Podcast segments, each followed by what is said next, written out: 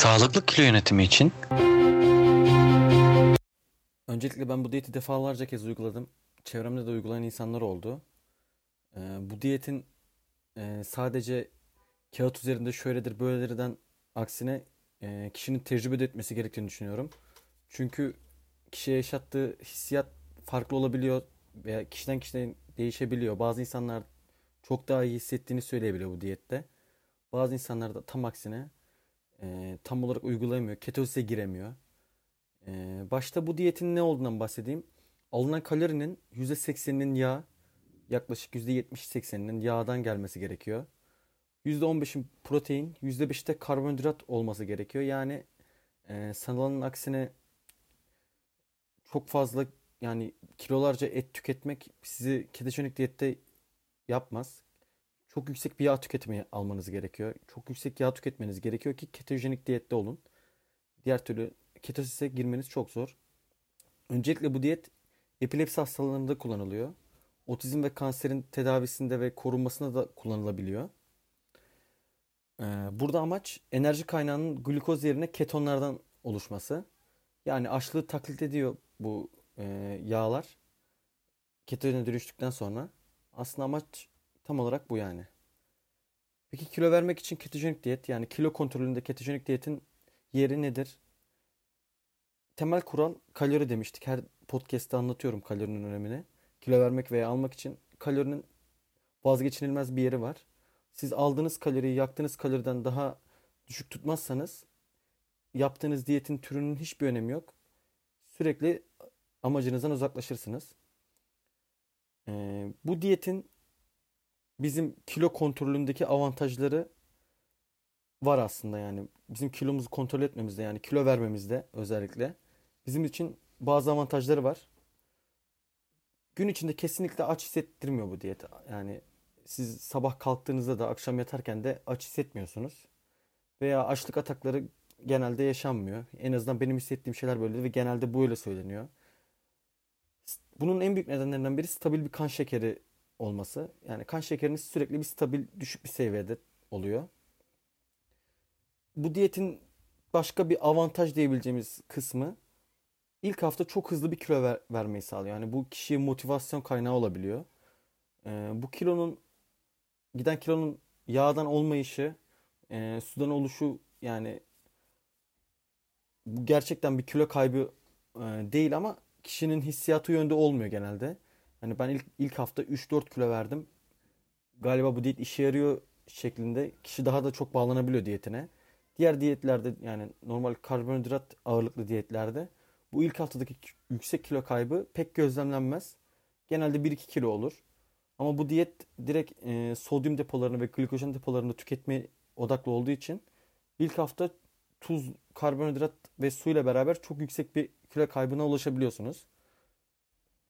Ee, bu diyette ketozise eğer girmeyi başarırsanız çünkü gerçekten başarması zor olabiliyor. Haftalar sürebiliyor ketozise girmek.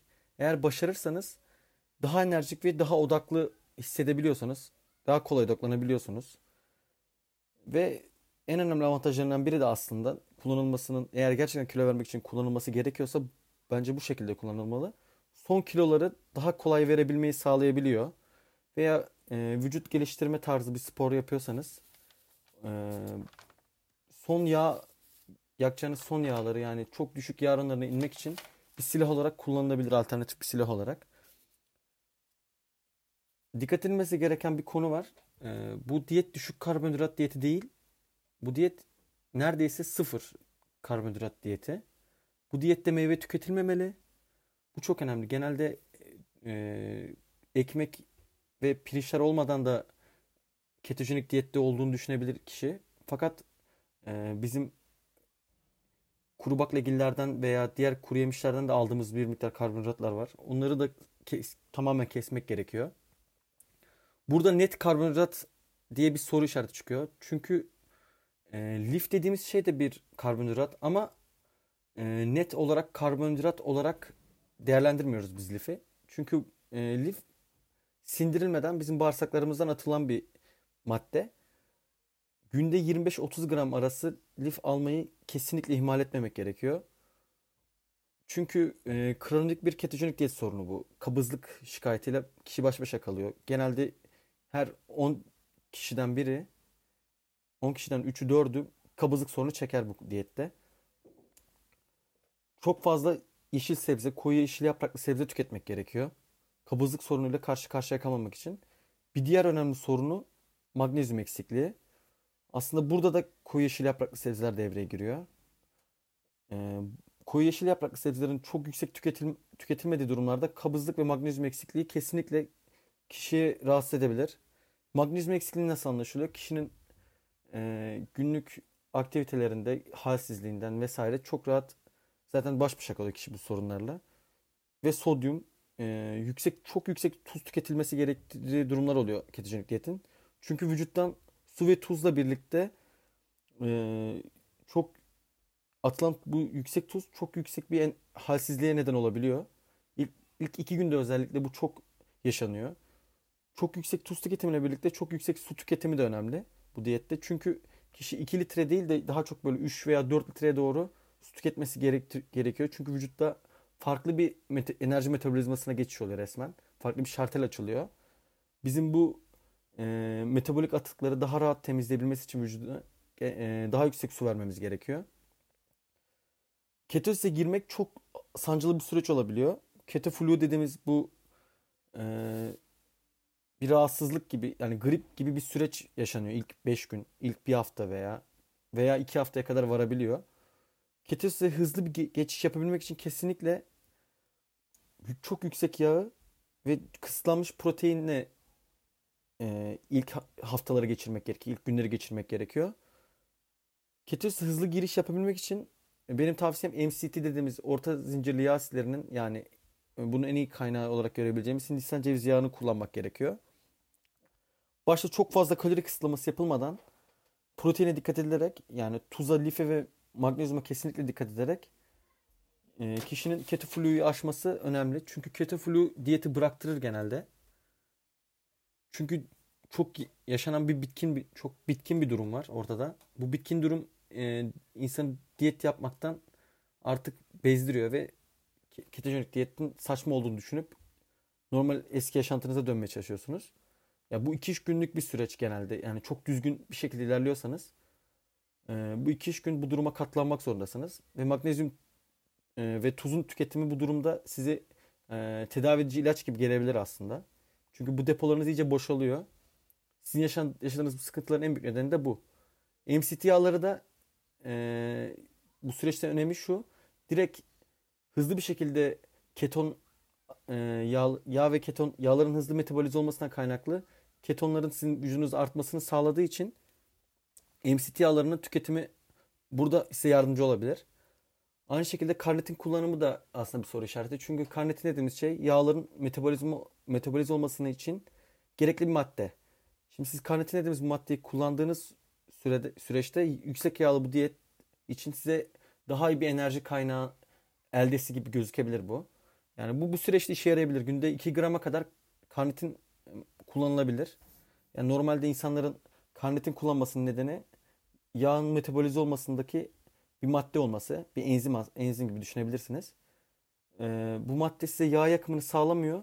Yani yağ yakımı derken vücut yağlarının daha hızlı bir şekilde azalmasını sağlaması, sağlamıyor. Fakat yağların enerji kaynağı olarak kullanılması için gerekli. Karnitin eksikliği gözlemlendiği zaman kişide e, genel olarak gün içinde daha enerjik, daha düşük bir enerji seviyesi e, kişiye neden olabilir. O yüzden karnitin kullanılabilir bu diyette. Şimdi sizin bu kadar uğraşıp ketosizde olup olmadığınızı anlamanız için bazı yollar var. E, genelde insanların nefes kokusu aseton şeklinde e, olduğu söyleniyor. Veya ağızda metalik bir tat. Genelde ketosize girişin belirteçleri diyebiliriz. Fakat en garanti yol eczaneden aldığınız şu e, keto çubukların e, size gösteriyor işte 1 ila, 1 ila e, litrede 5 milimol arasında gösteriyorsa sizin e, keton seviyenizi sizin idrar, idrarınızdan çıkan bu sonuç ketozist olup olmadığınızı belli ediyor. Sizin bu aralıkta kalmanız gerekiyor zaten. Daha yüksek bir keton keto seviyesi sizin sağlığınız için zararlı olabilir. Ketosise doğru gitmek değil bizim amacımız. pardon ketoasistoze doğru değil de ketoziste kalmaya çalışmak. Sizin kilo kontrolü için eğer bu diyeti yapıyorsanız 1 ila 5 milimol arası yeterli. Peki bu diyette hangi besinler tüketilmeli diye düşünecek olursak genelde et, tavuk, e, peynir, yumurta grubu tüketilmeli. Ama e, şöyle bir sıkıntı var. Kolesterol dediğimiz trigliseritler ve e, bizim istemediğimiz kötü yağlar, doymuş yağlar bu besin grubunda çok yüksek. Bunu dengelemek için tabii ki bu grubu tüketmemiz gerekiyor ki bizim ihtiyacımız olan yağı alabilelim. Bunu dengelemek için yüksek bir sağlıklı yağ tüketimi yani bitkisel yağ tüketimini çok buna bunu nazaran dengelememiz gerekiyor. Aynı zamanda balık tüketimi de çok önemli. Çünkü omega 3 e, omega 6 dengesi genelde bu diyette bozulabilir. Omega 3 omega 6 dengesi bizim için önemli bir denge. E, kalp damar sağlığımız açısından özellikle. E, bu bu besin gruplarını dengeli bir şekilde tüketirsek ketojenik diyette e, başarılı olmamız daha yükseliyor ihtimali. Aynı zamanda ketosize girmemiz için de e, bu grupta sürekli kalmamız gerekiyor ilk başta. Örneğin kuru yemişlerden de uzaklaşmamız gerekiyor olabilir. E, karbonhidrattan tamamen e, uzaklaşıp sonra yavaş yavaş çok düşük yani çok çok düşük miktarda e, sağlıklı yağlardan faydalanabilmek için e, kuru yemişler ekleyebilirsiniz beslenmenize. Yani bu diyet genel olarak e, yağ oranını iyice düşürmek isteyen bireyler bireylerin kullanması gerekiyor. Bu son silah olarak kullan dediğimiz yani e, diyet sistemini komple değiştirip vücuttan hem suyun atılıp daha e, sert bir görünüme kavuşmak isteyen bir, biri için daha çok geçerli. Yani sizin fazladan bir 25-30 kilonuz varsa ketojenik diyetle e, o 25-30 kiloyu vermeniz pek mantıklı olmaz.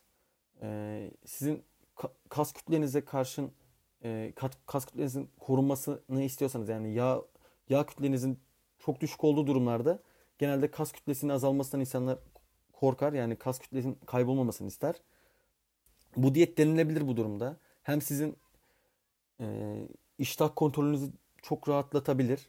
Yani herkes de böyle olmayabiliyor ama genelde ketojenik diyetin bu stabil kan şekeri dediğimiz mevzusundan dolayı e, insülin salgılanmamasından dolayı vücutta doğru düzgün e, böyle açlık atakları olmuyor. İnsülin yükselip alçalmaması olmadığı için ketojenik diyet son kilolar için mantıklı bir tercih olabilir. Hepinize teşekkür ediyorum beni dinlediğiniz için. İyi günler.